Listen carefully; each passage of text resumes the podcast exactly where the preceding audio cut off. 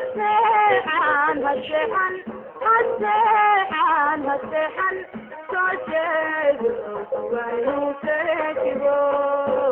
Hej og velkommen til.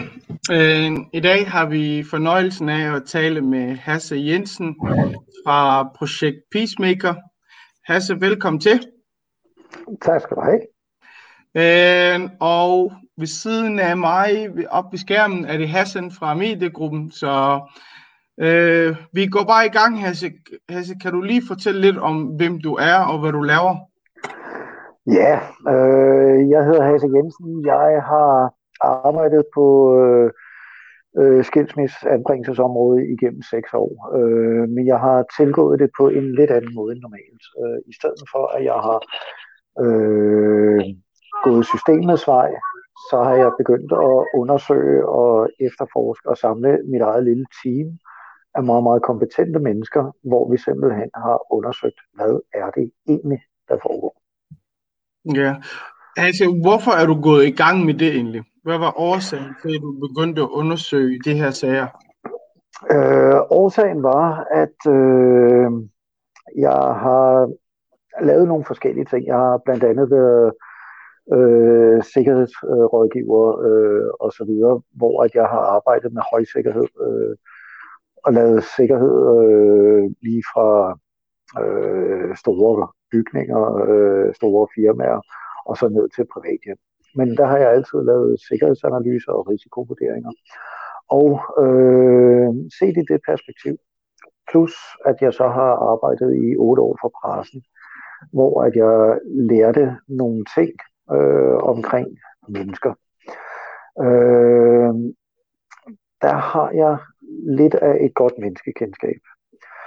Øh, jeg arbejdede for G4S øh, tilbage i sikkerhed, efter jeg havde været i mediebranchen. Og øh, i G4S, der lavede de et mentorforløb, hvor at man skulle hjælpe unge mennesker, primært unge drenge, på en aldersgruppe, der hedder 18-30, i gang med uddannelse eller arbejde. Og det blev jeg hed specielt ud til, fordi at jeg har den menneskeviden, jeg har. Og øh, jeg havde en, en meget, meget stor succesrate med at få folk videre. Og der sidder øh, sagsbehandlerne i kommunen og øh, ser på mig, og så siger de, kan du ikke lige gasse lidt ned, fordi hvis du fortsætter i det tempo, så bliver vi der arbejdsløs. Og der mm. kunne jeg jo kun sige, at øh, jamen, er det egentlig ikke det, der er min opgave. Øh, men øh, jeg kunne se på de to sagsbehandlere i bund og grund, så brød de sig jo ikke om at slippe af med alle de her i øh, jobcentret, fordi så havde de jo ikke noget at lave. Mm. Øh, og det stillede jeg sådan lidt spørgsmålstegn ved. Jeg stillede også lidt spørgsmålstegn til mig selv om, at, at næsten alle dem, som jeg arbejder med, de kom fra en opvækst, hvor at deres forældre havde været i en rygende konflikt. Mm. Og øh, der var nogle ting der, hvor jeg tænkte, hmm, men dengang tænkte jeg jo ikke så meget om det. Mm. Så i 2014, der begyndte øh, DR og pressen at snakke om, øh, om øh, skilsmissemetoder. Øh, og øh, det havde jeg en lang øh, samtale med min børns mor om. Fordi hun sagde, at man, en, en mor kan jo bare skubbe en far ud af børnenes liv, hvis hun vil det. Og så sagde jeg, så kan der jo mig godt forstå, at de børn bliver ødelagt. Øh, men vi havde en snak og sådan noget. Øh, men øh, hun var åbenbart blevet så grædet af, af det, som hun undersøgte. Så hun lavede det faktisk over for mig. Og, fra day one, der vidste jeg, at det her, det fandt mig ikke noget, hun selv havde fundet på. Så du så, har selv oplevet, altså hvis jeg, jeg har, har selv jeg oplevet, har, ja. jeg har selv oplevet det, men øh, jeg snakkede så med Pernille rosenkrantz inde på Folketinget, fordi jeg var en meget grim øh, ting igennem. Øh, og der snakker jeg med Pernille Rosenkrantz og siger til hende, hvad delen er det for et system, I har? Hvad er det, I har bygget op? Fordi det er der intet, der virker.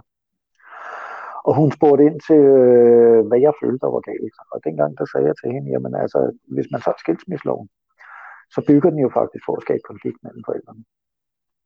Okay. Plus det, at man har denne her opdelingsrolle, der hedder samværsforældre og bopælsforældre. Det er jo også konfliktskabende. Og så har man yderligere det med børnepenge.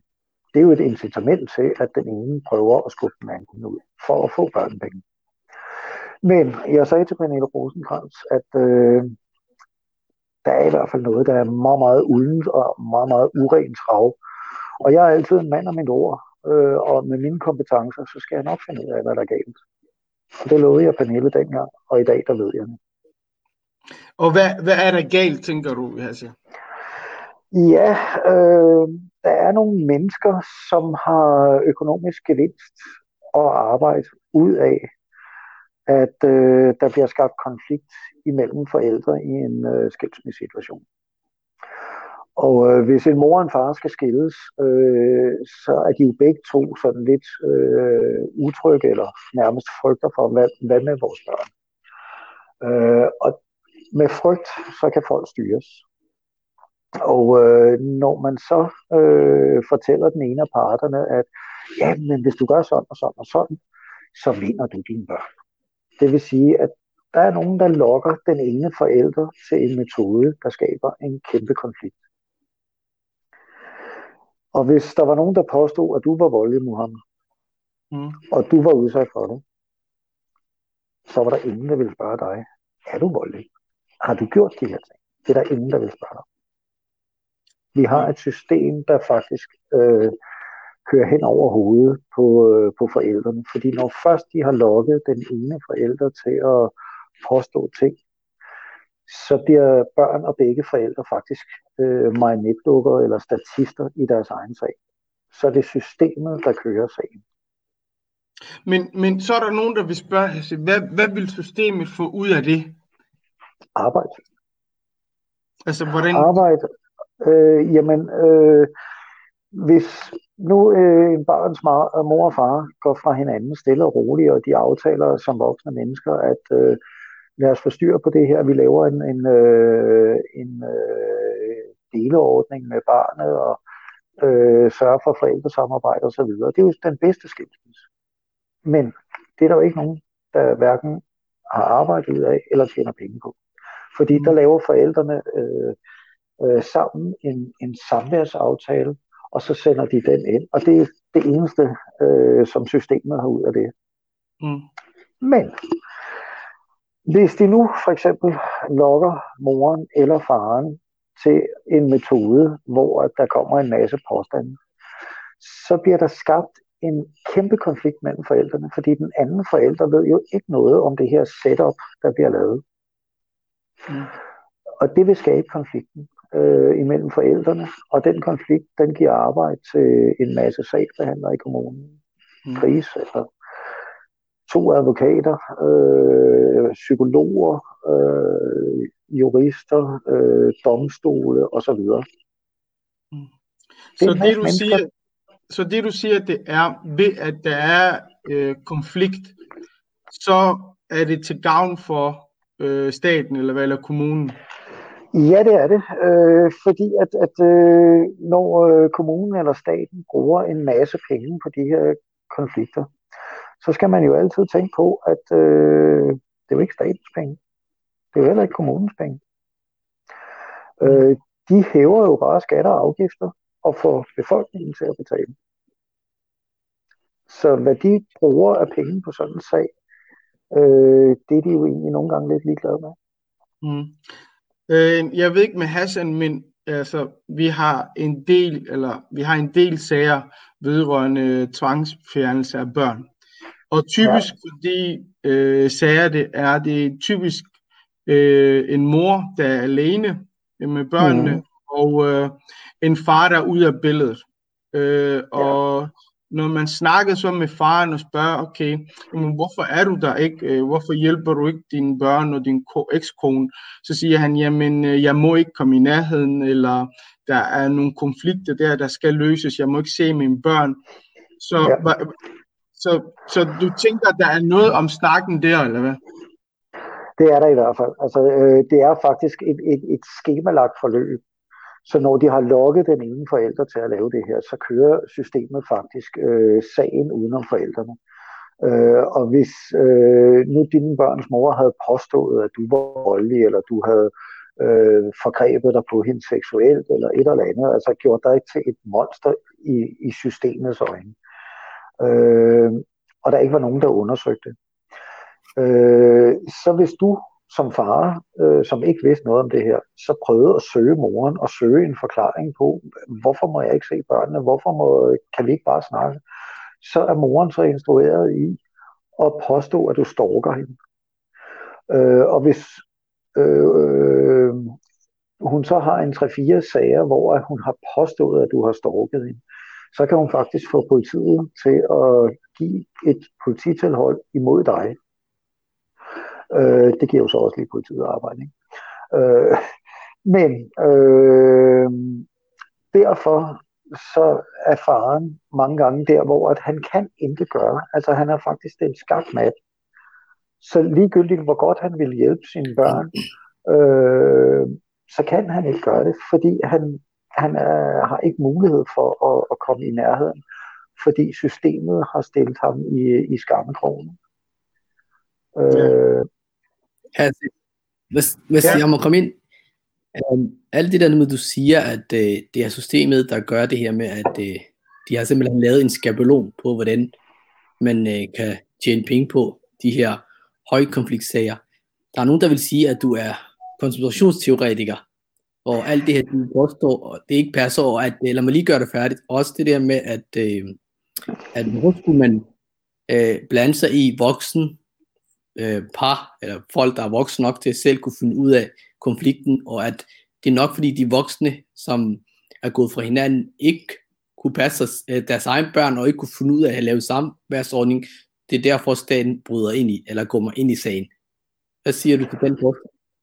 Øh, jamen, det er jo øh, med i denne her metode. Øh, fordi som sagt, 96 procent af de 743 sager, det er efter den her metode, så det er øh, meget så det er på alle sammen. Ikke?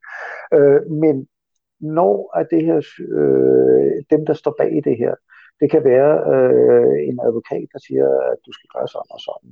Det kan være øh, lukket Facebook-grupper. Der er så mange, der prøver at skabe konflikten mellem forældrene. Og vi har fundet øh, dem, der gør det på mange måder, og vi har haft muldvarper inden for at lege, at de skulle skilles, så vi ved, hvem der er, der, der gør det her. Så det der med konspiration, ja, det, jeg vil vente om at sige, at mens vi efterforsker det i vores team, så har vi mange gange stået og tænkt, prøv lige at høre, øh, det virker som om, der sker sådan og sådan. Det må vi da lige undersøge, men det kan sgu ikke være rigtigt. Ja. Og det har desværre vist sig, at det er rigtigt. Så du mener, at fordi forældrene er blevet manipuleret med, eller ikke kan finde ud af det sammen, det kan være en årsag til, at man fjerner børnene, eller hvad? Nej, øh, men når forældrene har lavet denne her konflikt, øh, altså hvor den ene, øh, den der lader sig lokke til at påstå øh, vold eller andre ting, øh, de bliver instrueret i, at uh, du må endelig ikke snakke med den anden forælder. Den anden forælder er så nødt til at gå til systemet for at komme i nærhed med sine børn. Også fordi, at, at den, der påstår vold, øh, bliver jo gemt af vejen på et krisecenter eller noget af den stil. Så den anden forælder er jo faktisk nødt til at, at gå til systemet, for det er jo det, mange folk tror, de skal. Mm. Øh, og derfor bliver systemet jo faktisk trukket ind i det ganske øh, bevidst mm. fra systemets side. Øh, men når den forælder, som øh, metoden så går ud over, øh, stille og roligt bliver presset ud med samvær og med forældremyndighed, så står den, der har lavet metoden jo tilbage alene. Det er desværre, og det er ikke noget kønsbestemt, fordi jeg har mange kvinder, der er udsat for det. Øh, så en far kan gøre det lige så meget mod en mor, men det er desværre flest kvinder, der gør det mod mænd. Men Hasse, hvor... Øh, Lad ham nu tale færdig. Vi skal lige Ja.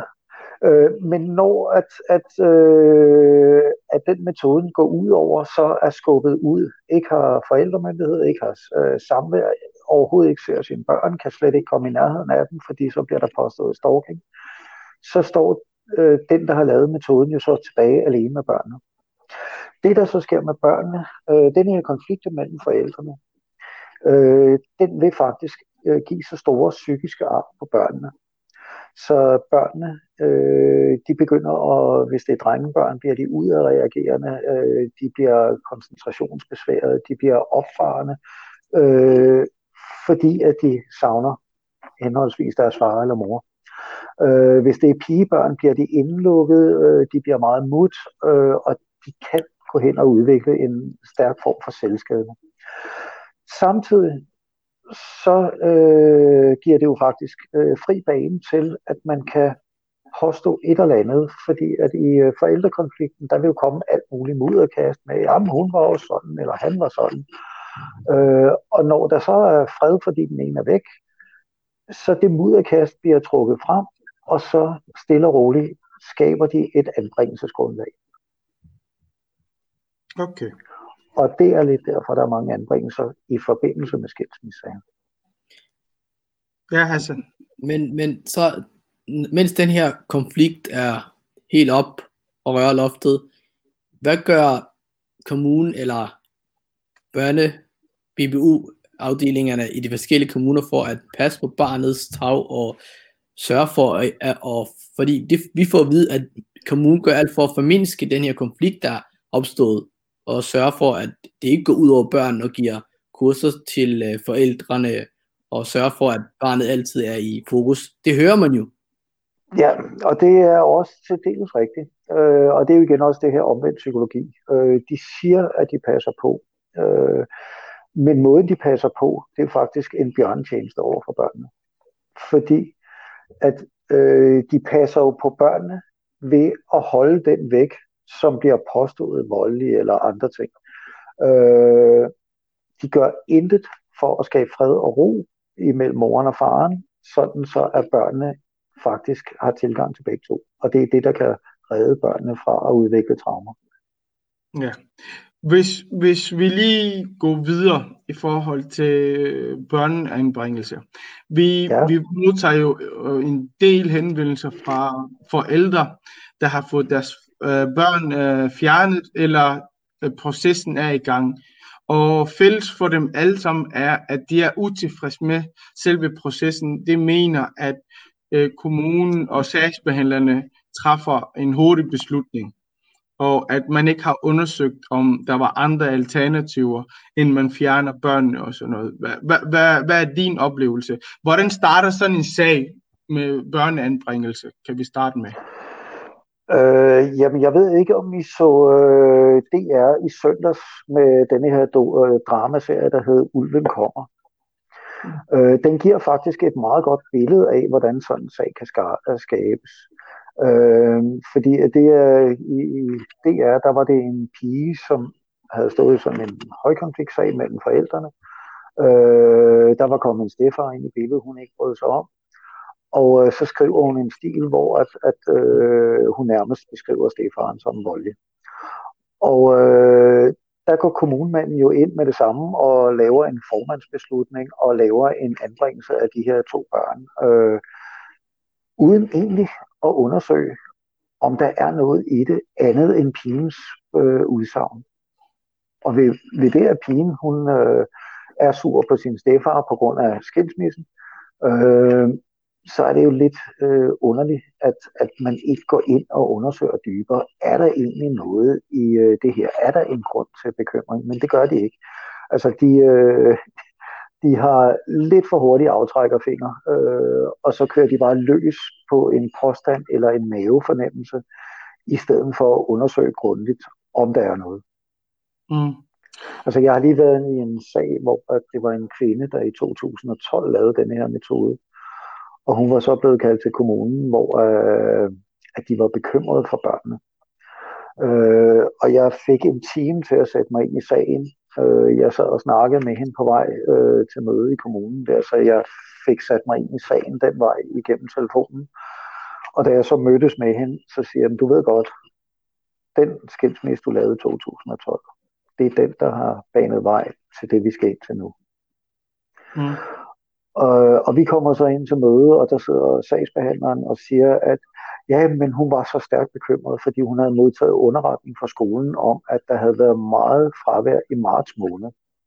Og så ydermere, så havde, havde øh, skolen øh, sagt, at børnenes tandhygiejne var meget, meget dårlig. Mm. Og øh, så kigger jeg på den her sagsbehandler, og så siger han, det var da frygteligt, at du er så bekymret om det. Øh, men i marts måned, der var den pågældende skole lukket, fordi at der er corona. Så der er der ikke noget at sige til, at børnene har fravær, når at øh, skolen er lukket. Nå.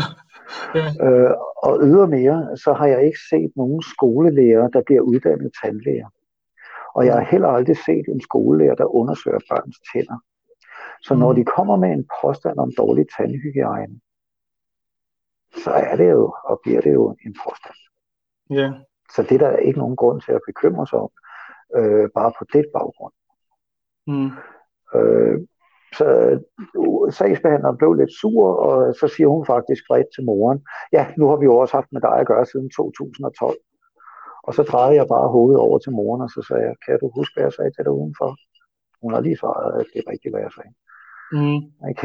så Ja. det viser så, at, at det er jo fordi, at de sidder og følger med på sidelinjen i sådan en højkonfliktsag og ser, hvad de kan finde af påstanden og så videre. Og så når den ene forælder er stort set ude, så kører de videre øh, med en anbringelse. Altså det svarer jo lidt til, at du laver en tøjbutik, og så at du øh, tager fat i alle mennesker, der kan få i tøjbutikken og påstår, at de skal købe noget, fordi ellers så sker der altså ting og sager. Mm. Så kan du få en god omsætning. Du kunne skabe arbejde til dig selv. Men når en sagsbehandler påstår nogle ting, så skaber hun jo faktisk arbejde til sig selv. Vi har i den danske, i, i den danske offentlige sektor ikke nogen som helst, der går ind og undersøger, er der egentlig et grundlag her? Der er ikke Mm. sådan en kontrolenhed, der tager ud på samme måde, som vi gør i Peacemaker, og undersøger, hvad er der egentlig i denne her sag. Mm. Men mange, mange altså, Hassan, inden du kommer ind, der er jo, altså, når vi hører sådan noget, så tænker vi jo, altså, hvordan kan det lade sig gøres? Fordi når man går ind og læser serviceloven og kigger på reglerne og hvad, hvad der skal til for at tvangsfjerne et barn, så er det jo ikke lige til, så er det jo ikke ifølge loven i hvert fald. Men alle de ting, vi hører, så er det sådan, det er en vurderingssag, der har ikke været øh, undersøgelse i gang, og så er der nogle af tilfældene, så undersøger man efter, man har anbragt barnet, og barnet har været væk fra deres forældre i et stykke tid. Så altså, Mhm. hvordan, hvordan kan alt det her lade sig gøres, vil nogen tænke jo. Altså, hvordan, altså, vi har jo et retssystem. Jamen altså, vi, vi har jo et setup. Øh, jeg kan huske, at jeg snakkede med en politiker inde på Christiansborg på et tidspunkt. Og øh, der snakkede vi meget om det her skilsmisse. Og på vej øh, ud til elevatoren, der kommer hun ind på det her anbringelse. Og så siger hun, ja, men loven siger jo sådan og sådan og sådan. Og så kigger jeg bare på hende, så siger jeg, ved du ikke, hvad der foregår ude i øh, samfundet? Fordi ja, vi har en lov, øh, hvor det siger, at man skal lave paragraf 50 undersøgelser, og man skal sk- øh, skabe grundlaget rigtigt osv. Øh, men lad os nu sige, at jeg sad som sagsbehandler over for dig, Mohammed, og øh, jeg skulle lave en paragraf 50 undersøgelse. Og øh, jeg så fandt ud af, jamen du er del mig jordens bedste far. Så ville sagen jo blive lukket der, og så havde jeg ikke mere at lave. Men hvis jeg nu for eksempel kiggede på dig og tænkte, nej, jeg kan ikke lide hans øjne. Der må være noget ondt, ondt øh, inde i ham, og øh, jeg måske begynder at, at køre nogle ting og, og finde problemer, som ikke er der. Øh, så øh, kunne jeg jo køre sagen videre, og så kunne jeg fastholde en masse arbejde og så videre. Ja. Altså hvis du går ind øh, i USA og, og kigger på Child Support Service, øh, der er en gut i Texas, der har været tidligere ansat i Child Support Service, som er en form for whistleblower for, hvad der foregår derovre. Og det, han fortalte, det så jeg først længe efter, at jeg selv havde fundet ud af det i Danmark. Øh, en sagsbehandler, hvis han besøger øh, hjemmet, øh, så kigger han med øjne, hvor der står, ej, der står altså to øh, glas øh, på bordet, der ikke er vasket af. Puh, det er jo frygteligt. Og der ligger lige øh, tre t-shirt ved siden af vasktøjskurven. Det er jo godt nok øh, skræmmende forældre. Og så står der altså lige nogle flasker derovre. Så øh, det er jo altså ikke så godt, når der står flasker, mange tomme flasker. Han ville ikke skrive, det var sodavandsflasker. Han skriver bare, det var flaske. Fordi når en dommer så sidder og læser det, eller øh, Ankestyrelsen sidder og læser det, så når der står tomme flasker, så i deres hoved, så er det ølflasker, eller vinflasker, eller spiritusflasker. De tænker ikke over, at det kan være sodavandsflasker. Mm. Og på den måde, så bliver sagerne faktisk skabt øh, nærmest ud af det blå. Mm. Hassan, du var ved at sige noget? Øh, men jeg, altså nu, jeg er også meget bisider og, og kommer også meget i det her kommuneregi. Noget af det, du siger, oplever jeg rigtig, rigtig, gange, øh, rigtig mange gange. Det der med formandsbeslutningen. Ja. Der, det undrer mig altid, at vi snakker om, at det skal være nogen, der har faglighed i orden. Ja. Hvis det er en formandsbeslutning, der ikke ved, eller kender til børn, eller ikke har den her uddannelse mm. inden for børn, men alligevel tager en beslutning på en stående fod. Han tænker ikke, eller hun tænker ikke over det. Hun gør det, fordi hendes kollega har, har anmeldt, eller har indberettet, og vi gerne have det hurtigst muligt. Og, og, de, og de tør ikke sådan, som jeg ser det, at sige fra til deres kolleger og sige, ved du hvad, vi venter lige til det er weekend, weekenden over, og så starter vi en paragraf 50 undersøgelse, og så kan du sende nogen, øh, hvad hedder det, sagsbehandler hjem til familien, hvis du har lyst, så kan de overvåge dem derovre, men vi gør ikke nogen, øh, for børnenes skyld, så passer vi på børnene. Vi skal ikke tage dem ud af deres øh, trygte rammer. Og jeg har det der med også Ankestyrelsen, jeg har også klædet nogle gange til Ankestyrelsen, hvor jeg ser det samme, øh, ligesom hele vejen op. Så der er ligesom ikke noget at gøre, fordi de, jo, mm. de bakker hinanden op jo. Ja. Så hvad, hvad gør vi i sådan en situation? Ja, fordi at øh, sagsakter, øh, det er ligesom øh, Grims eventyr. Øh, jeg var inde på Christiansborg til Justitia-konferencen den 18. december sidste år. Og der stod en dommer fra Frederiksberg Byret, øh, som også øh, var rundt i forskellige kommuner i børne- og ungeudvalg. Og hun stod og kom med et oplæg, hvor hun forklarede om de her kæmpe sagsbunker i sådan en børnesag. Og da hun var færdig med sit oplæg, der rejser jeg mig op og stikker en hånd i vejret og spørger, om jeg må have lov til at stille spørgsmål. Og jeg får så en øh, mikrofon, og øh, jeg stiller så det spørgsmål til dommeren, hvor jeg siger, øh, ja, nu kommer jeg over for Peacemaker, jeg kender godt de her kæmpe sagsbunker. Altså, jeg har set en børnesag, der fylder 19 ringbind. Øh, ved dommeren egentlig, hvad de her kæmpe sagsbunker, øh, de bruges til? Og så rystede hun sådan lidt på hovedet. Så siger jeg, at de bruges til at skjule sandheden og lave en falsk virkelighed. Fordi hvis jeg for eksempel læser en børnesag øh, om nogen, jeg overhovedet ikke kender, så vil jeg jo også sidde og tænke, uh, det ser frygteligt ud. Nej, hvor er de, det, det er jo frygteligt for de børn. De skal da væk. Men nu kommer jeg jo som sagt fra Peacemaker. Vi har været inde i et hav af børnesager. Og når vi går ind, så går vi ind og decideret efterforsker sagsakterne. Og vi finder fejl på fejl på fejl. For eksempel, jeg gav hende et, øh, et eksempel, hvor at jeg siger, i en øh, psykolograpport, der har vi fundet, øh, at på den ene side, der står, at, bør, øh, at forældrene øh, drikker og tager mange øh, stoffer og er meget tit påvirket. To sider længere henne i samme rapport, der står, at forældrene aldrig rører noget som helst euforiserende, fordi de bryder sig ikke om at være påvirket. Som jeg sagde til dommeren, så nogle fejl kan vi jo godt finde, og øh, vi finder fejl på fejl. I hver børnesag, der finder vi rigtig, rigtig mange fejl. Men vi kan jo så ikke se, om forældrene på nogen måde er beskrevet eller vurderet rigtigt. Så det vi går ud og øh, gør i vores lille team, det er, at vi går ud og har dialog med forældrene og finder ud af, hvad er det her for nogle mennesker. Samtidig så går vi ud i deres netværk og spørger, hvad er det her for nogle mennesker? Og øh, så siger jeg til dommeren, ved dommeren, hvor mange sager vi har fundet med korrekt sagsfremstilling? 0. Og så mit spørgsmål til dommeren, det var, hvordan kan man sidde som dommer og træffe afgørelse i en sag, der er så fejlbehæftet og fejlvurderet, som noget kan være. Og der sagde dommeren, ja, det kunne hun da godt se som et problem, og så gik hun bare videre. Ikke? Mm. Øh, men det er netop det, der sker. Ikke? Altså man, man fremstiller forældrene som værende nogle monster, i stedet for at fremstille forældrene ud fra et ærligt billede. Øh, og hvis man har til formål at øh, anbringe børn, øh, for at skabe vækst i kommunens børne- og ungeafdeling. Fordi det her, det er forvaltningerne i kommunen, det er ikke politikerne i kommunen, fordi de ved faktisk intet om det her. Øh, men forvaltningerne i kommunen, de skaber jo arbejde til sig selv ved at lave en anbringelse. Øh, og så siger man, at det koster nogle penge. Øh, jeg har lige sat Rigsrevisionen og statsrevisoren på den anden ende.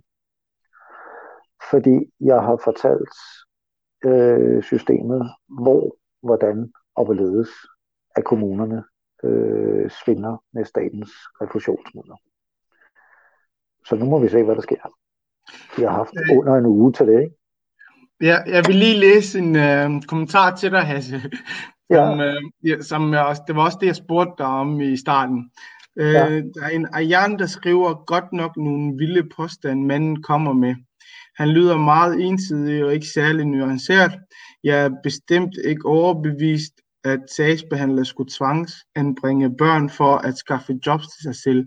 Jeg tror, de har rigeligt at se til. Desværre mister jeg troværd. Jeg tror, du, hun mener, at du mister troværdigheden i, i Mm. mm. påstanden, og hvorfor jeg ikke har set det hele dialog. Så hun er sådan, hun mener jo, at det her, det burde ikke ske. Altså, øh, og, Nej, og og det burde heller ikke, ikke ske. ja, Det, det, ærligt, det burde ikke ske, øh, men det er desværre det, der sker. Også fordi, altså, øh, nu er vi et team, men jeg er den eneste, der egentlig går ud her, øh, fordi at det er faktisk lidt grimt, det der foregår i systemet. Ikke? Øh, mm, også fordi, at, at øh, nu snakker vi om lovgivning og så videre. Øh, vi har faktisk en paragraf 146 i strafloven, der siger, at begår nogen, der har domsmyndighed, eller hvem der tilkommer offentlig myndighed til at træffe afgørelser i retsforhold, der vedrører private øh, uretfærdighed ved sagens afgørelse eller behandling, straffes han med fængsel indtil 6 år. Hvis man kunne anmelde for den paragraf, så ville der ikke være nogen ansat i den offentlige sektor. Ikke ret mange i hvert fald. Øh, problemet er, at du som borger, hvis øh, øh, der sker en sag imod dig, så vil du ikke kunne bruge sådan en paragraf imod øh, en sagsbehandling. Og øh, nu når, at, at øh, var det Ayat, hun hed, eller han hed, Ayan, ja, øh, kom med, med det spørgsmål, så kan jeg selv, øh, simpelthen godt forstå det, fordi hvis man spurgte mig for 10 år siden, øh, så havde jeg heller ikke troet, det var muligt. Men i dag, øh, med den efterforskning, vi, vores team har lavet, så ved jeg, det er rigtigt, hvad jeg siger. mm, Øh, jeg holdt en øh, lille minikonference ude på øh, Amager i øh, januar måned. Øh, der var Torsten Geil fra Alternativet og Isabella Arndt også med. mm, Øh, der holder jeg et oplæg, og der kommer så en psykolog, der hedder Bodil Dikau, og kommer med et oplæg. Mm, Øh, Bodil Dikau, hun øh, startede hendes oplæg med at sige, at nu har vi lige hørt øh, fra Peacemaker, det de oplever. Og hvis man havde spurgt mig for otte år siden, så havde jeg aldrig nogensinde troet, det var rigtigt. Jeg har siddet på den side af skrivebordet, hvor jeg har været med til at tvangsfjerne børn. mm, Min egen datter har lige pludselig stået i en sag med hendes søn. Der gik jeg ind og hjalp øh, hendes, eller det, det var Bodil Dikov, der gik ind og hjalp hendes datter. Og lige pludselig så hun systemet fra den anden side. mm. Så det hun sagde til Thorsten Geil og Isabella Arden, det er, det I har hørt her i aften, det er 100% rigtigt. Mm. Men, men, men hvordan oplever du ikke tit det der, Hasse, med at uh, du er en konspirationsteoretiker, du er, du er utroværdig, det, kan, det Jo. her, det, ja, Jo, men øh, der er jo også mange, der siger sølvpapirshat og alle de her ting. Men folk kan jo bare gå ud og grave på samme måde, som vi har gravet. Så vil de finde nøjagtigt det samme, som vi har fundet, hvis de har øh, kompetencerne i orden. Øh, vi har øh, folk i det team her, som har været tidligere drabschef i politiet. Vi har folk med, der har været tidligere FN-ansatte med speciale i bedrageri og korruption. Øh, så vi har nogle folk med kompetencer ud over de kompetencer, jeg selv besidder. Mm. Øh, øh, mens jeg var arbejdet på pressen, der bestyrede jeg nogle kæmpe store events. Og øh, der lærte jeg lynhurtigt, at hvis der var et problem, så skulle man finde kernen til problemet for at, at kunne løse problemet. Mm. Øh, og i 9 ud af 10 problemer, så var kernen til problemet noget helt andet. Og øh, da jeg selv røg ind øh, og begyndte at undersøge, der er noget fuldstændig galt her, øh, så begyndte jeg jo at undersøge og begynde at samle nogle øh, få folk, og så begyndte vi simpelthen at grave i det, og fandt frem til, at det desværre er rigtigt. Øh, du vil sige noget, Hassan? Ja, ja, jeg tænker, at det, jeg er meget enig med dig. Altså, man skal selv grave, og jeg synes også, det kan være svært at øh, modbevise en, der har den opfattelse, som den Ayan kommer med, at hun ikke tror på det, fordi hun simpelthen tror på systemet, som ja. jeg øh, vil jeg sige.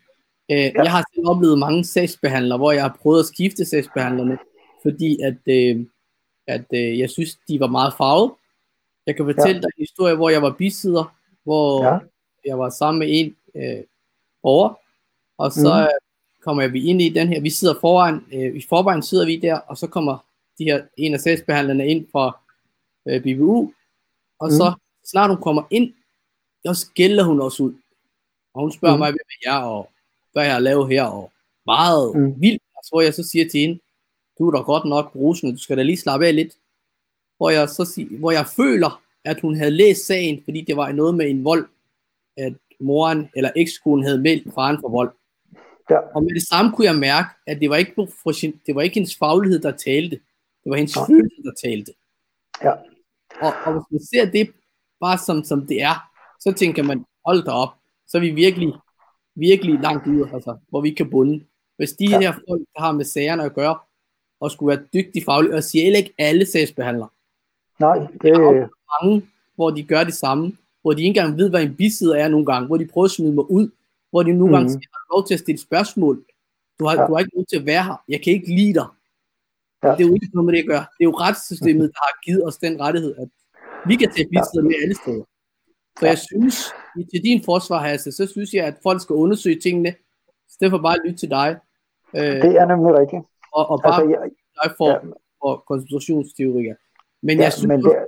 man glemmer den her barnets tag. Vi bliver virkelig, altså det er ligesom om det er blevet en social kontrol, at øh, pædagogerne skal melde. Jeg kan fortælle dig en anden historie, hvor et barn, øh, et mor til et barn, som har mongolmærker, mm. hvor, hvor pædagogen melder, øh, eller under, underretter moren for, at hun har slået ham. Mm. Og jeg ved ikke, om, om I ved, hvad mongolmærker er. Jo, jeg, jeg ved det godt. Men alle ved, alle, der har været forældre eller har nogle børn, ved, at mongolmærker, hvad de er. Og mm. det er ikke nok, at hun ikke vidste det, den her pædagogen, men at barnet, som var meget lille, skulle igennem øh, retsmedicinisk og skulle være lang tid på hospitalet sammen mm. med forældrene og al den her tumult, at man ikke ja. tænker barnets tag. Ja. Og der skulle tre læger til at se, om det var rigtigt. Selvom mm. lægerne vidste, at det var mongolværker, så var de stadigvæk usikre på, var det nu med mongolværker? Ja. Og det er jo sørgeligt. Ja, og det er desværre ikke øh, noget, der overrasker mig overhovedet. Altså, jeg kender rigtig, rigtig mange gange sager. Øh, og det her med barnets tag. Øh, alle snakker barnets tag. Men kan du give mig definitionen af barnets tag? Det er ikke skrevet ned nogen som helst steder. Alle bruger barnets tag, men der er ingen, der har defineret, hvad barnets tag er. Barnets tag, det skønner kommunen selv, hvad barnets tag er. Ja. Øhm, og jeg kan godt forstå, at folk er i tvivl, hvis de ikke selv har stået i det. Altså som sagt, hvis du havde spurgt mig for øh, 10 år siden, så havde jeg heller ikke, så havde jeg heller ikke troet på det her. Ikke? Øh, altså, og, og det der med, at det er tredje personer, som skaber konflikten. Jeg kan give jer et lille eksempel. Øh, en far, øh, som bliver skubbet ud af sin datters liv. Datteren er to år. Øh, han bliver påstået voldelig og, og alle de her ting. Øh, og systemet fjerner ham og nægter ham adgang i et år. Øh, så får han endelig samvær med sin datter. Dagen før samværet, der er han desværre nødt til at aflyse samværet, selvom han er meget ked af det, men han bliver nødt til at aflyse samværet. Efter det samvær, som aldrig har været afholdt, øh, så kommer der to indberetninger til kommunen på, at faren har haft en finger op i numsen på sin datter under samvær. Samværet var der aldrig. Det er jo ikke moren, der har gjort det, fordi moren vidste jo godt, at samværet ikke var overholdt. Det her, det er systemet, der skaber arbejde til sig selv. Det, når man hører det her, ikke, altså, det lyder helt vildt sindssygt. Altså, det, fordi det vi også hører fra forældre, det er jo, at øh, normalt i Danmark jo, er man øh, uskyldig indtil det modsatte er bevist. Ja. Men mange af det her sager, øh, som vi får i hvert fald, det handler meget om, at der er en underretning, hvor der er en mistanke om et eller andet. Og ja. så kommer det så an på den her sagsbehandlers faglige vurdering i forhold ja. til, hvad der skal ske lige nu og her. Og så er der ja. nogen, der vælger bare at tvangsfjerne barnet med det samme. Ja. Øh, I stedet for at måske undersøge, måske er der et eller andet her, der ikke er helt rigtigt.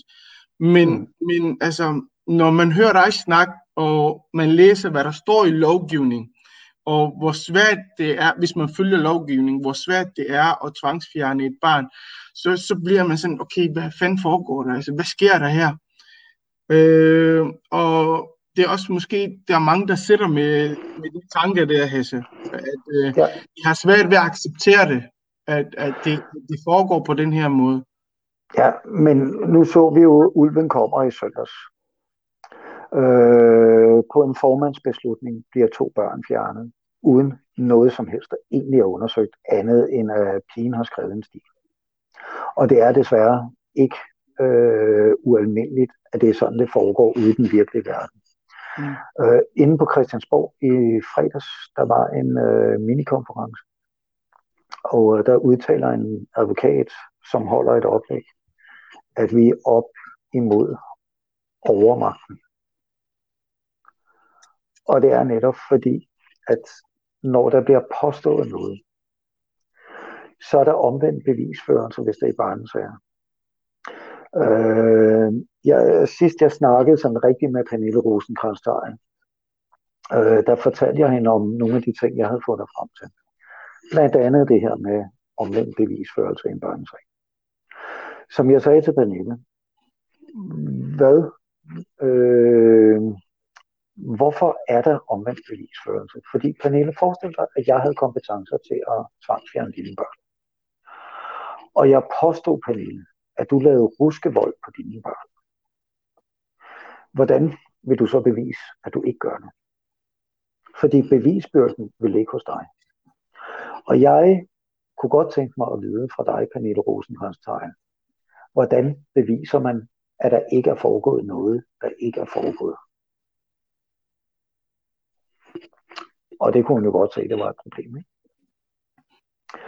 Samtidig så siger jeg også til hende, ydermere så er der jo ekstremt mange, øh, meget forskel på mennesker i dagens Danmark. Øh, og så blev hun sådan lidt, øh, lidt sur, og så siger hun, hvad jeg mente med det. Så siger jeg, jamen altså, hvis du er forældre i sådan en børnesag her, så graver systemet i din navle. Det vil sige, hvis du har gået over for rødt lys som 16-årig, så vil systemet påstå, at du er uh, så farlig og så kriminel, fordi at du er gået over for rødt lys som 16-årig. Men der er jo meget forskel på folk, øh, fordi at hvis man har været med til at kaste rød maling på derværende siden statsminister Anders Fogh Rasmussen, så kan man stadigvæk godt sidde i din stol. Kan man ikke også, Pernille Rosenkrantz? Øh, hun blev lidt sur, siden har vi ikke rigtig startet. Mm.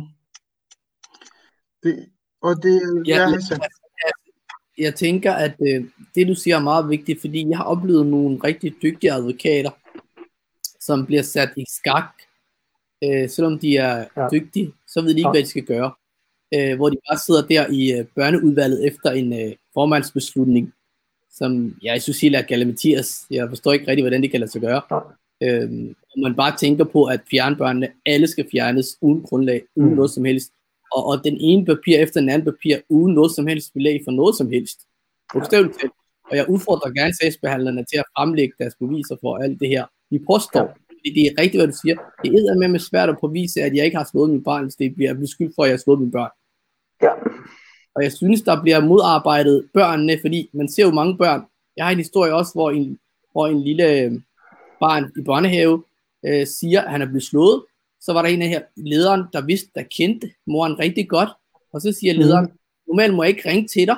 Jeg skal faktisk indberette dig uden at ringe til dig, men jeg ved, at din dreng ikke er sådan der. Så jeg ved ikke, hvad der Mm. foregår. Så kan du ikke komme over til børnehaven.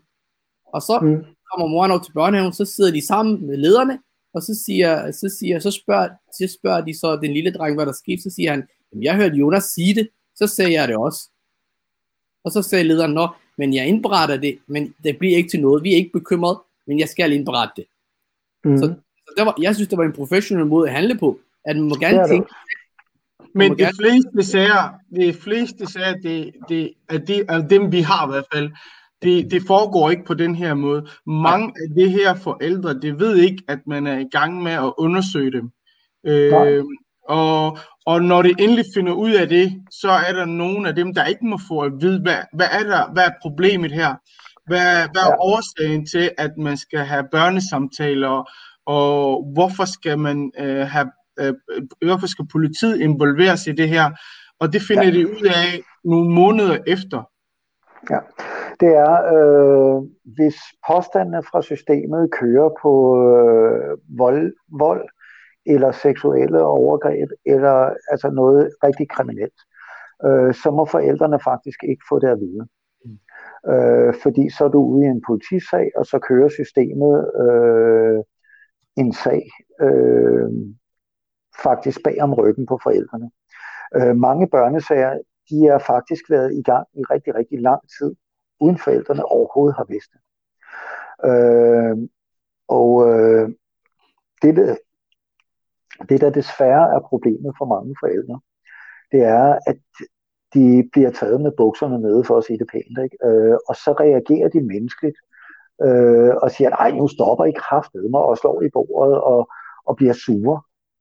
Øh, og det er jo lige det, systemet egentlig vil have. De prøver at, at presse forældrene øh, til at begå en, en fejlagtig handling, fordi så vil der i papirerne stå, ja, men han virkede også meget øh, frembrusende og nærmest truende i sin adfærd. Øh, så det, det øh, skaber yderligere grund til, at de påstår, at der er vold. Ikke? Øh, så, og, det, og det er faktisk en meget manipulerende måde at, at bygge en sag op på. Øh, men der er intet forebyggelse. Der er intet øh, undersøgende. Øh, dem, der undersøger sagerne, øh, de har desværre øh, systembriller på, der siger, at der må være noget galt med dig. Så der, der er ikke nogen, der går ind og, og leger djævelens advokat og siger, at det er også rigtigt. Og det man også skal tænke på, det er forældrenes advokater. Det kan godt være, at nogle af dem er rigtig, rigtig dygtige. Øh, men de bliver jo stadigvæk betalt. Deres løn kommer jo af de offentlige. Og hvis du nu øh, er ansat i Føtex, øh, og at Føtex giver dig en god løn, og så du lige bliver øh, sendt over i øh, Bilka i øh, en uge, vil du så ikke stadigvæk øh, i hjertet repræsentere Føtex? Og det er jo netop det, ikke? Altså, nogle, nogle advokater, øh, de tør ikke at gå op imod kommunerne, fordi hvis de går op imod kommunerne, så øh, får de ikke flere sager af kommunen. Det vil sige, at de bliver truet på deres levebrød, og derfor tør advokaterne ikke at gå op imod kommunerne. Ja, Hassan, du var ved at sige noget? Jeg er meget enig. Jeg, har meget, jeg, kan, jeg kan genkende rigtig meget af det, du siger. Uh, øh, men, men kan, for, for os øh, til forsvar for sagsbehandlerne, os, er der noget om, at de har travlt, de her sagsbehandlere, og på den måde, så begår de mange fejl? Øh, den her politi efterforsker, øh, ham kom jeg i dialog med, fordi han søgte efter et netværk der hjalp kvinder med at kidnappe deres børn til Brasilien. Og øh, jeg fik et møde med ham, og øh, sidder og forklarer ham, hvordan og hvorledes, hvem det her netværk bestod i, og så videre. Til sidst så vender jeg nogle papirer, det er dem her, det er dem her, det er dem her, og det er dem her, og jeg kan forklare dig, hvordan. Og han blev helt lyd i hovedet, så siger han, gud, dem samarbejder vi jo med. Og så siger jeg, nå, skal jeg så forstå, at hvis øh, politiet begynder at samarbejde med Hells Angels, så må de sælge øh, 10 kilo heroin. Øh, og der kunne han jo godt se øh, humoren. Ikke? Øh, men øh, der spurgte han direkte, tror du det er alle sammen, som deltager bevidst i det her? Og der sagde jeg, nej. Jeg ved, at mange tror faktisk, at de gør noget godt. Men de bliver også præget af deres team. Øh, plus at de bliver målt på, hvor mange sager de har. Plus at de kun ser deres egen lille del af en kæmpe stor sag. De ser ikke det overordnede billede. Og som sagt, de går ikke ud og undersøger det rigtigt. Og som sagt, øh, så ser de med nogle øjne, der skal lede efter fejl. Altså, og de fejl, de ikke kan finde, dem skaber de nogle gange selv. Ja, så, ja, altså, du... altså, der er også det der med uh, sikkerhedsgruppen, der sidder, dem der skal afgøre sagerne, når det er i BBU, uh, hvor jeg har ja. oplevet rigtig mange gange, hvor de er, ja, det er som om de slet ikke har, de er i de høje luftlag, altså, hvor der slet ikke noget, uh, hvor de bare hører på kollegaen sige et eller andet, og så bakker de kollegaen op. Hvor der slet ja. ikke noget uh, kritik, eller men, men, altså logisk sans, hvor jeg tænker, ah, det, det, det vil jeg lige have, at du kigger på, Pernille, eller Lars, det, det, det, det er simpelthen ikke korrekt, ifølge serviceloven, de det, dat, de kan vi simpelthen ikke have på, på, på, på os, men det er, som, det er også det er simpelthen, som du siger, en socialt kontrolleret øh, samfund, simpelthen i deres lille verden. Så den ene, hvis der er en god sagsbehandler, så kan den ene sagsbehandler kan ikke gøre noget. Jo, Nå, så altså, ja, Altså det, det er desværre en form for dysfunktionel kultur, der er i den offentlige øh, sektor. Øh, og, og mange, som øh, faktisk sidder og tror, at de gør noget godt, når det lige pludselig går op for dem, hvad det egentlig er, de gør, og hvad det egentlig er, øh, det har konsekvenser for de mennesker, som de i, både, i gåsøjne skulle hjælpe. Øh, så går de ned med stress, og hvis I kigger ud i øh, alle børne- og ungeafdelinger i kommunerne, så er der meget, meget stor udskiftning. Øh, og mange, øh, de forsvinder. Altså hvis du tager Kolding Kommune, øh, på et tidspunkt forsvandt halvdelen af medarbejderne. Øh, og så er der den her faste kerne af nogen, som faktisk også ved, hvad der sker, men som er som menneskekolde, så de øh, vender det blinde øje til, fordi der er arbejde i det, og der er penge i det.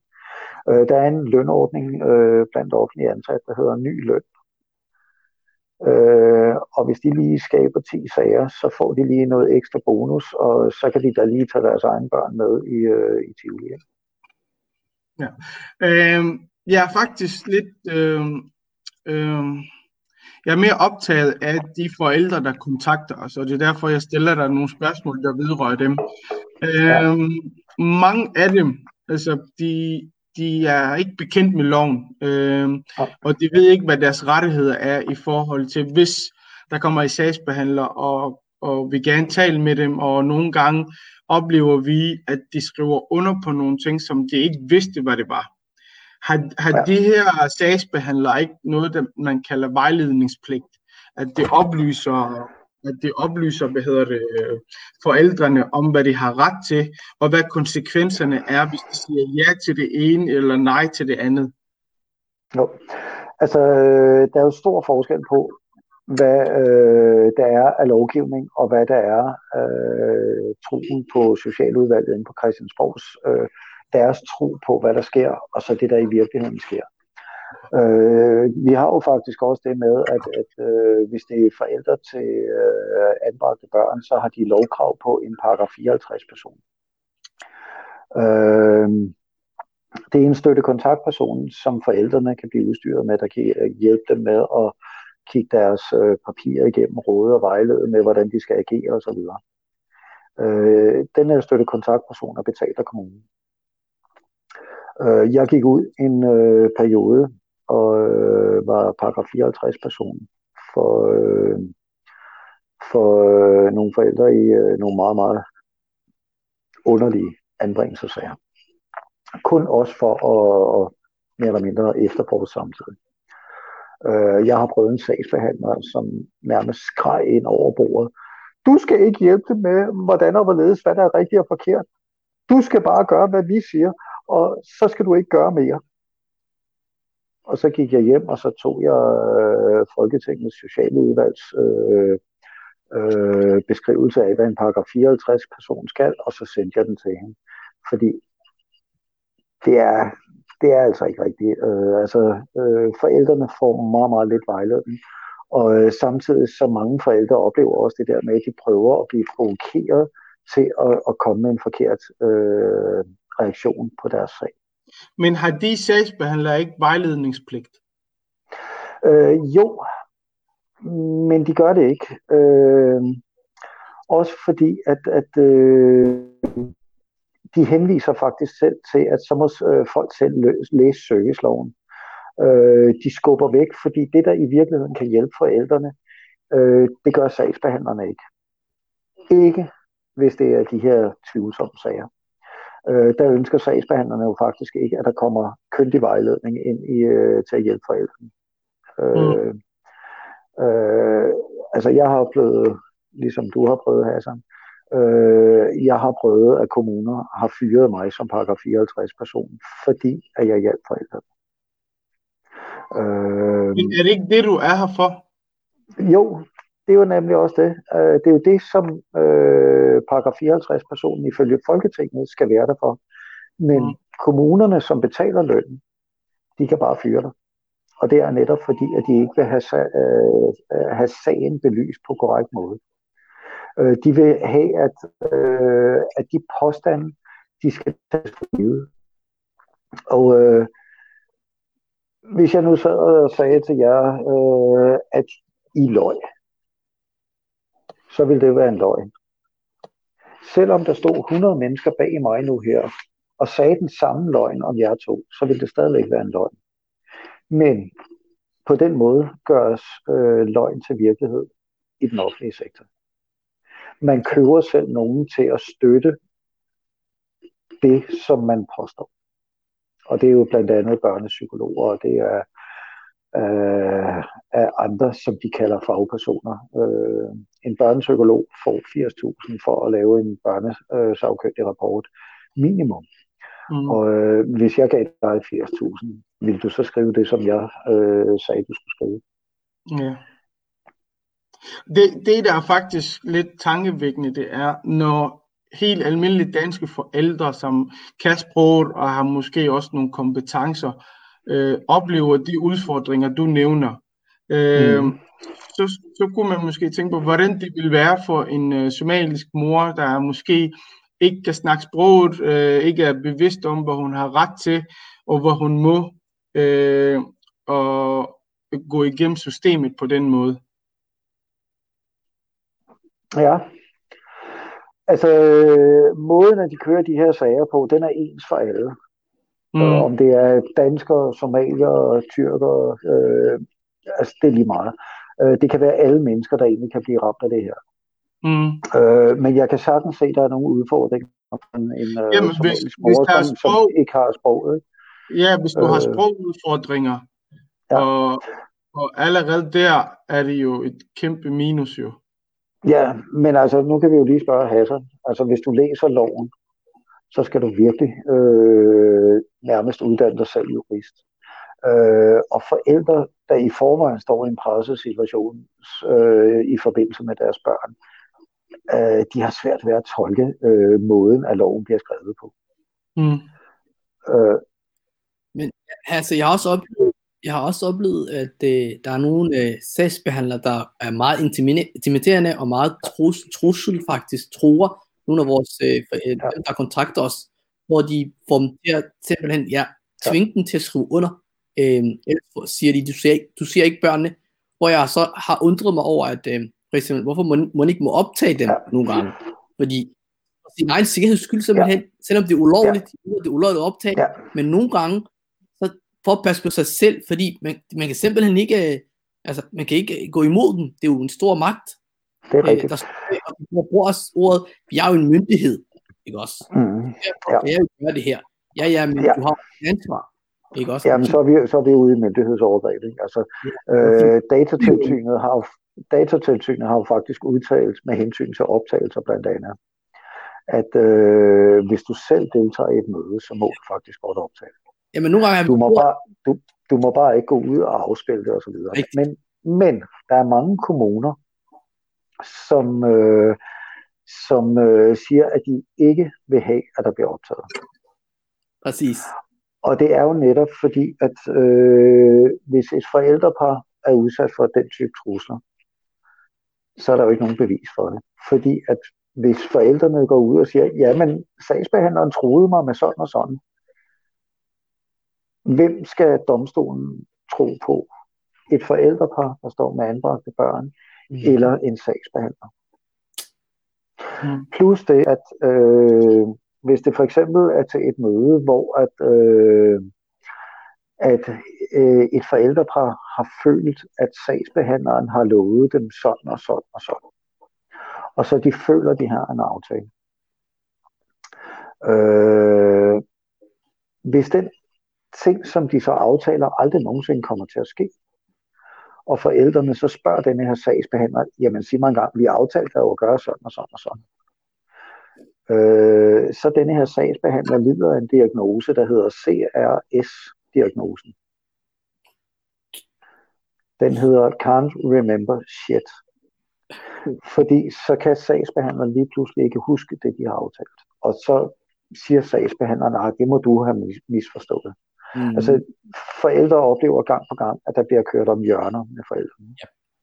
Vi har også oplevet, også, jeg har også oplevet altså, at øh, nogle børn, der er blevet anbragt af vores, øh, nogle somaliske forældre, øh, hvor de samarbejder rigtig godt sammen, hvor, mm. hvor, hvor der står i loven, at som anbragt barn har man ret til at passe på sin kultur, sin religion, og, og, vi, vi beholder det. Vi beholder Ja. det. Hvor, hvor vi har oplevet, jeg har ikke oplevet kun én gang, flere gange, hvor børn Mm. af somalisk afstamning, som er muslimer, som forældrene Mm. har snakket med både sagsbehandlerne om, og sagsbehandlerne har lovet, og, og, og plejefamilien ved det godt, og de, eller opholdsstedet ved det godt, og så alligevel, så ringer de så til et par måneder efter til uh, moren, hvor de siger, øhm, øh, hvad hedder det, din søn eller din datter vil gerne spise svin, og hvor de så siger, øh, forældrene, jeg vil gerne opdrage mine børn som muslimer, og det har man frihed til i Danmark. Øh, Ja. Så derfor vil jeg gerne bibeholde det, og de skal også kunne tale somalisk med mig. Så nogle gange har de fået at vide, at de må ikke tale somalisk sammen, hvor moren ikke kan somalisk dansk, hvor jeg så siger til dem, de bliver nødt til at hente en tolser. Det er jo deres ansvar. Så må tolken tolke, mens de snakker i telefonen. Men det vil de simpelthen ikke sagsbehandle. Og de meste af de her sager, jeg har oplevet, det er i Jylland. Mm. Jeg skal ikke være fordomsfuld, men jeg føler, at der er et eller andet, der, er- der er noget ked- kæde, der hoppet af derovre. Hvad gør vi ved sådan nogle? Altså, det er, det er desværre noget, som der ses i hele øh, landet. Øh, og øh, det er jo også fordi, at, at når børn bliver anbragt, øh, så bliver børn traumatiseret. Øh, det, altså, det, deres psyke lider af knæk. Øh, og det gør, at børn går over i en form for overlevelsesmode. Øh, og når de så for eksempel er på et øh, bosted, hvor der er otte andre børn, øh, som måske er, er dansk afstamning, eller hvad de nu er, øh, så bliver de stille og roligt øh, lullet ind i, at jamen, alle sammen spiser svinekød, eller alle sammen gør dit og datten. Ikke? Øh, så børnene bliver mere eller mindre øh, præget af de omgivelser, de bliver placeret i. Mm. Øh, og det er altså meget svært at, at få, øh, få ændret det, også fordi, at der bliver jo lavet en form for splitting mellem børnene og forældrene, ikke? Øh, med hensyn til, øh, hvornår der må være samvær og så videre. Ikke? Øh, og øh, vi så det jo med tydelighed i den her ulven kommer, ikke? og den giver jo et meget godt billede af, hvad der i virkeligheden sker, hvor sagsbehandleren siger til den her lille pige, at, Mm. at uh, du må endelig ikke snakke med din mor, øh, så skal jeg nok komme og, og snakke med dig og sådan noget. Ikke? Mm. Øh, og inden at de kører afsted til anbringelsen, så stopper sagsbehandleren lige taxaen og siger endnu en gang, nu skal du ikke lige snakke så meget med din mor. Vel? Og det er jo netop fordi, hvis de kan skabe den der splitting, så kan de også nemmere opbygge de her sager. Ja.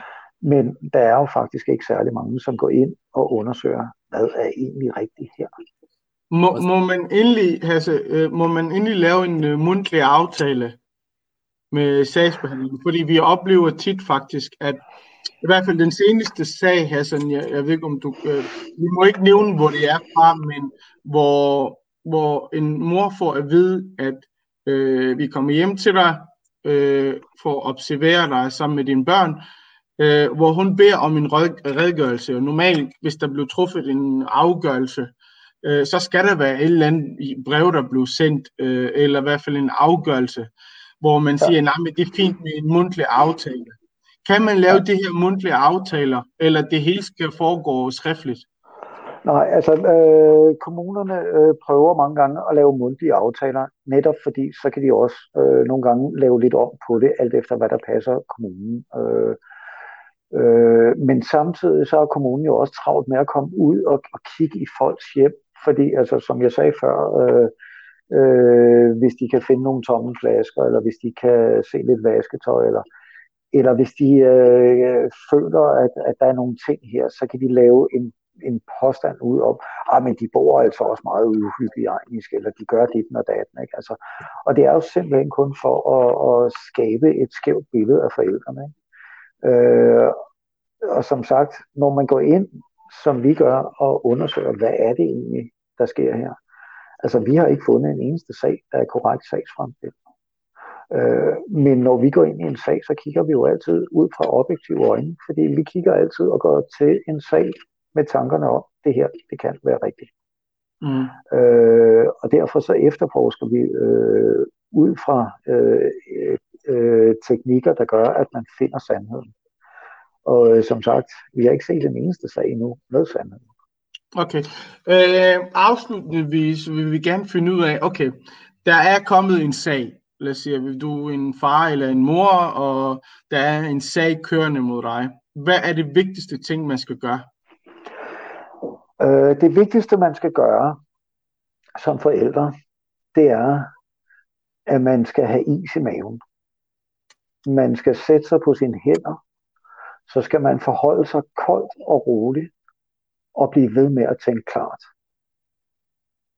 Mm. De fleste forældre laver de fejl med, at ej, kommunen kommer, kommunen kommer, og så er de helt op i øh, meget, meget højt blodtryk, der gør, at den der op, den tænker ikke rigtigt den tænker irrationelt. Og øh, når den gør det, så er det nemmere at, at, at lave fejl eller gøre forkerte ting. Mm. Øh, så derfor så er det så vigtigt, at man forholder sig i ro, og så man søger øh, korrekt hjælp for at, øh, at komme ind i sagen øh, på korrekt vis. Øh, altså for eksempel skilsmismetoderne, som vi startede med at snakke om, de er faktisk bygget op på en måde, der udnytter menneskelig psykologi. Øh, sådan så at den, som metoden går ud over, faktisk per menneskelig, naturlig handlemåde laver nogle fejl, som så gør, at det bliver endnu sværere at komme tilbage for, for dem forældre. Det er lidt det samme, vi ser i anbringelse. Og det er derfor, det er så vigtigt, at man forholder sig ganske roligt. Ja, hvad er det næste så? Hun holder sig det, rolig og is i maven. Hvad sker der så bagefter? Øh, det næste, det er, at man får fat i sådan en som Hassan, øh, som godt ved noget om det her. Mm. Øh, og så får, øh, får en køndig vejledning. Fordi at, øh, ja, det kan være en rigtig sag, og det har Hassan garanteret også i baghovedet. Øh, men man skal også ud og undersøge, om der egentlig er noget i sagen. Øh, fordi altså, vi undersøger jo sagerne ud fra, at der kan godt være noget i den her sag. Mm. Øh, og øh, når vi så finder frem til, at det er en af de falske sager, så ved vi jo også godt, hvordan vi skal agere i dem. Men det er så vigtigt for forældrene, at de ikke lader sig blive kørt om kul øh, af, at sagen starter øh, og man skal finde noget køndig vejledning, og det kan være svært i øh, systemet. Øh, fordi at der er så mange, som øh, har travlt med at sige, ej, det var da frygteligt, ej, det er da en frygtelig situation, du står i. Nu skal vi nok hjælpe dig. Øh, men i virkeligheden, så tænker de mest på deres eget kasseapparat. Mm. Øh, og derfor kan det være svært for forældre, der står i enten det er skilsmissen eller anbringelsen, at finde noget korrekt vejledning. Ja. Øh, det er måden, jeg kører på øh, i, i vores team. Mm. Det er, at øh, vi kører i to spor. Mm. Øh, vi kører dels systemets spor, men vi kører så også et parallelt spor på at skabe fred. Mm. Altså mellem øh, forældrene? Ja, hvis vi snakker anbringelsesager, ikke? altså hver gang, eller i skilsmissager, hver gang, at øh, jeg tager en mor og en far i en kæmpe højkonflikt, og jeg sætter dem på hver side af et spisebord, og jeg sidder for bordenden, så er der fred og ro. Mm. Fordi øh, jeg kender sgu ikke nogen forældre, der vil ødelægge deres egne børn. Mm. Øh, og det er lidt det samme i anbringelse. Øh, det er bare en sejrkamp, fordi der er børnene hed væk. Og det er meget, meget svært at få dem tilbage igen, fordi at, at der er faktisk nogle ting, øh, og det var det, vi snakkede med Rigsadvokaten, eller, eller Rigsrevisoren og, og statsrevisoren om. Øh, men hvis nu, at du øh, lavede en forretning, hvor at, at du tjente 100.000 om måneden, vil du så blive sur, hvis jeg kom og tog det, der gjorde, at du tjente 100.000 om måneden? Mm. Øh, og det er lidt derfor, at, at det nogle gange er svært at få hjemgivet børn. Ja. Vi skal lige have struktur på, hvad forældrene skal gøre. Det vil sige, når man står over for sådan en situation, så skal man ja. finde en, der har styr på øh, de her sager. En, der har prøvet det ja. før. Det kan ja. være en ligesom dig eller Hassan. Øh, ja. Og så skal man have is i maven. Ja. Øh, og hvad ellers? Jamen altså, man skal virkelig forholde sig i ro, og man skal sætte sig på hænderne, fordi at, at, øh, øh, at de vil prøve at, at få folk til at slå i bordet og sige, nej, nu stopper du sgu dine løgne. Mm. Øh, fordi at, at så øh, skriver de, at, at øh, forældrene er ude at reagerende i deres væremåde. Mm. Øh, og det er det, jeg mener med, at, at øh, hvis ikke man har is i maven, så kommer man nemt til at forværre sin sag i stedet for at, at, øh, at kunne bevare det kølige overblik. Ikke? Ja. Men det kan være svært netop fordi, at, at øh, mange har den her naturlige respekt over for myndighederne. Og når en myndighedsperson står og siger, ah, men jeg tror, du har gjort sådan og sådan, øh, så første gang, så kan man godt sige, ej, det er jo ikke rigtigt. Altså, det kan da godt være, at du tror det. Men hvis den her myndighedsperson tager sin mm. kollega med, og så de står to mennesker og siger, ej, vi tror, du har gjort sådan og sådan, mm. øh, så er det altså svært for forældrene nogle gange at bevare det kølige overblik. Ja. Men det er de nødt til. Vi har, vi har fem minutter tilbage. Kan du sådan kort forklare os, hvad projekt Peacemaker går ud på, og øh, er det et hjælp, du yder til alle borgere, eller de til bestemte grupper, eller altså forklare os lidt, hvad det er for noget? Øh, Peacemaker kører i nogle forskellige grene. Blandt andet kører vi øh, politisk for at få det her stoppet. Øh, samtidig så har vi en gren, hvor at, øh, vi er ude og hjælpe i enkeltsager, øh, hvor vi går ud og hjælper øh, med at, at kortlægge og klarlægge sagen, sådan så at det er nemmere at få forelagt den korrekt i en øh, domstol eller, eller andre øh, steder. Mm. Øh, og så kører vi noget meget vigtigt. Øh, vi kører en øh, telefonrådgivning. Mm. Øh, og det er fordi, at øh, 3. august 2016, der var en 8-årig pige, der blev dræbt over på Fyn. Dengang der havde vi fundet skabelonen til den her beskidte skilsmismetode. Og da mig og min marker, vi øh, undersøgte, hvad, hvad skete der i forløbet op til denne her. Da efter vi havde fundet frem til alt, så kiggede vi på hinanden og sagde, det er den beskidte skilsmismetode. Mm. Da vi i marts måned 2018 fik 100% bevis for, at øh, en far tog livet af sine to børn og sig selv i Kolding. Der lavede vi en rådgivningslinje, og øh, fra marts 18 til marts 19, der har vi forebygget 58 selvmord og tre sager, der ville være ført til drab, hvis ikke vi var inde over.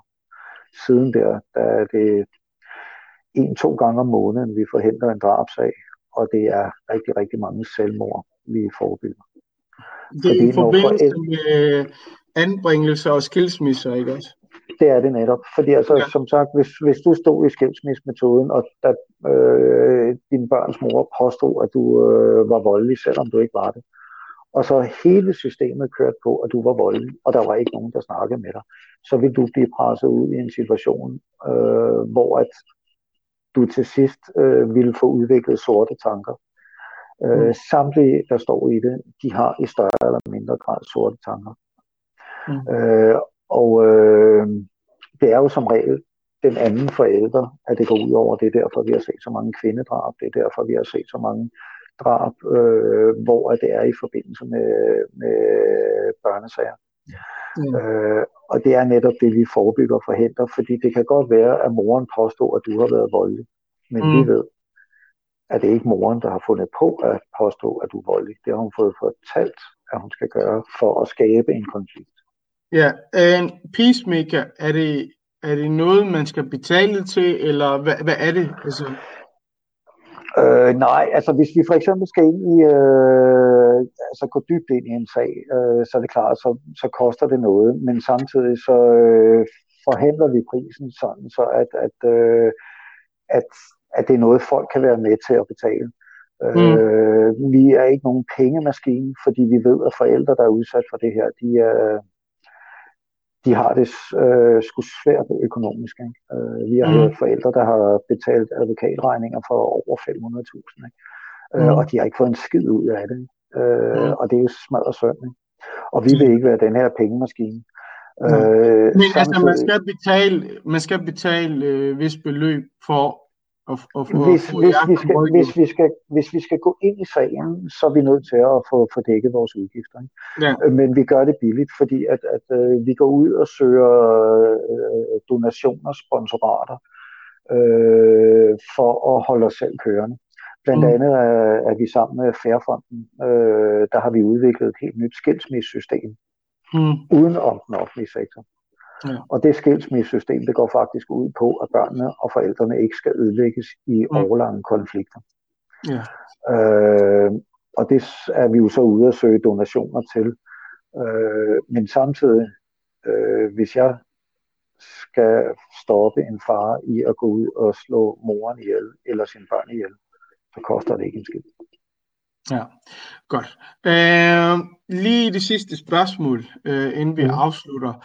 Øh, jeg har oplevet, at øh, mange af de sager, for eksempel Hassan er på, hvor man har gjort alle de rigtige ting, altså det her med at skaffe en bisitter, læse øh, sagerne igennem, klage til Ankestyrelsen, hvor Ankestyrelsen vurderer, at der blev truffet nogle øh, forkerte beslutninger. Mm. Og alligevel vælger, vælger man at fastholde børnene, eller mm. tvanganbringe børnene. Hvad kan man gøre ja. i disse sager der? Fordi man har jo klart dokumenteret, at der er sket en fejl, men ja. alligevel øh, afleverer man ikke børnene tilbage. Hvad kan man Nej. så gøre i sådan nogle sager? Altså det er et større arbejde, øh, man skal ud i. Øh, blandt andet så skal man have kortlagt sagen meget, meget øh, minutøst. Øh, man skal have øh, fundet alle de fejl, der er skrevet i sagen. Samtidig skal man også gå ud og få indhentet noget øh, faglig øh, viden. Fordi at især hvis det er en sag, hvor at meget af det bygger på påstande, øh, så er det meget vigtigt, at man får øh, fat i en, øh, der er ikke mange af dem, men der findes nogle få psykologer, som faktisk kan gå ud og lave en, øh, en øh, forældrekompetenceundersøgelse og øh, beskrive forældrene. Problemet er bare, at nogle kommuner de vil bare sige, jamen det har du jo betalt for. Mm. Men hvad er forskellen på, om kommunen betaler for en psykolog og får skrevet det, kommunen ønsker, eller du går ud og øh, betaler for en psykolog, som giver en øh, fornuftig vurdering. Mm. Altså, jeg har lige haft en sag, der har vundet i Østerlandsret øh, på baggrund af, at øh, der var en psykolog indenover, som øh, havde givet en, en objektiv vurdering af, af den, der stod udsat for metoden. Det var så en skilsmissesag. Øh, og det førte frem til, at Østerlandsret øh, gav ret i sagen. Yes. Men det er igen, altså det er et, et, et større øh, puslespil, fordi altså, du skal se en børnesag øh, som en kæmpe garnnøgle, der er viklet sammen. Og der skal du faktisk begynde stille og roligt og ret, øh, ret trådene ud. Øh, og så stille og roligt øh, arbejde mod at få klarlagt sagen, sådan så at, øh, at sagen bliver lagt ned. Hassan, afslutningsvis, hvad vil du sige? Jeg omkring psykologerne. Øh, altså, jeg har oplevet, hvor nogle gange de der psykologer, der undersøger de her forældrekompetenceundersøgelser om børn og sådan nogle ting, at men det er meget svært at vælge en anden psykolog, end den de lige har, eller dem de har. Ja, øhm, og det er også rigtigt, fordi at, at øh, de har et schema over, hvilke psykologer de vil have lavet, fordi så får de den undersøgelse, som støtter op om de påstande, de giver. Mm. Øh, det jeg har øh, set sammen med mit team, øh, vi gravede først i skilsmissager og sådan noget, ikke? og der var jo nogle øh, børnesagkyndige, der var tilknyttet familieretshuset, øh, tidligere statsforvaltning, som gik ud og lavede de her forældreundersøgelser. Jeg har altså set øh, forældreundersøgelser, hvor at der stort set var ikke øh, altså det eneste forskel, der egentlig var, det var navnene på forældrene og børnene. Øh, meget var decideret copy-paste fra rapport til rapport. Øh, men når du er forældre, så ser du kun din egen rapport. Du ser ikke alle de andre rapporter, som faktisk er ens.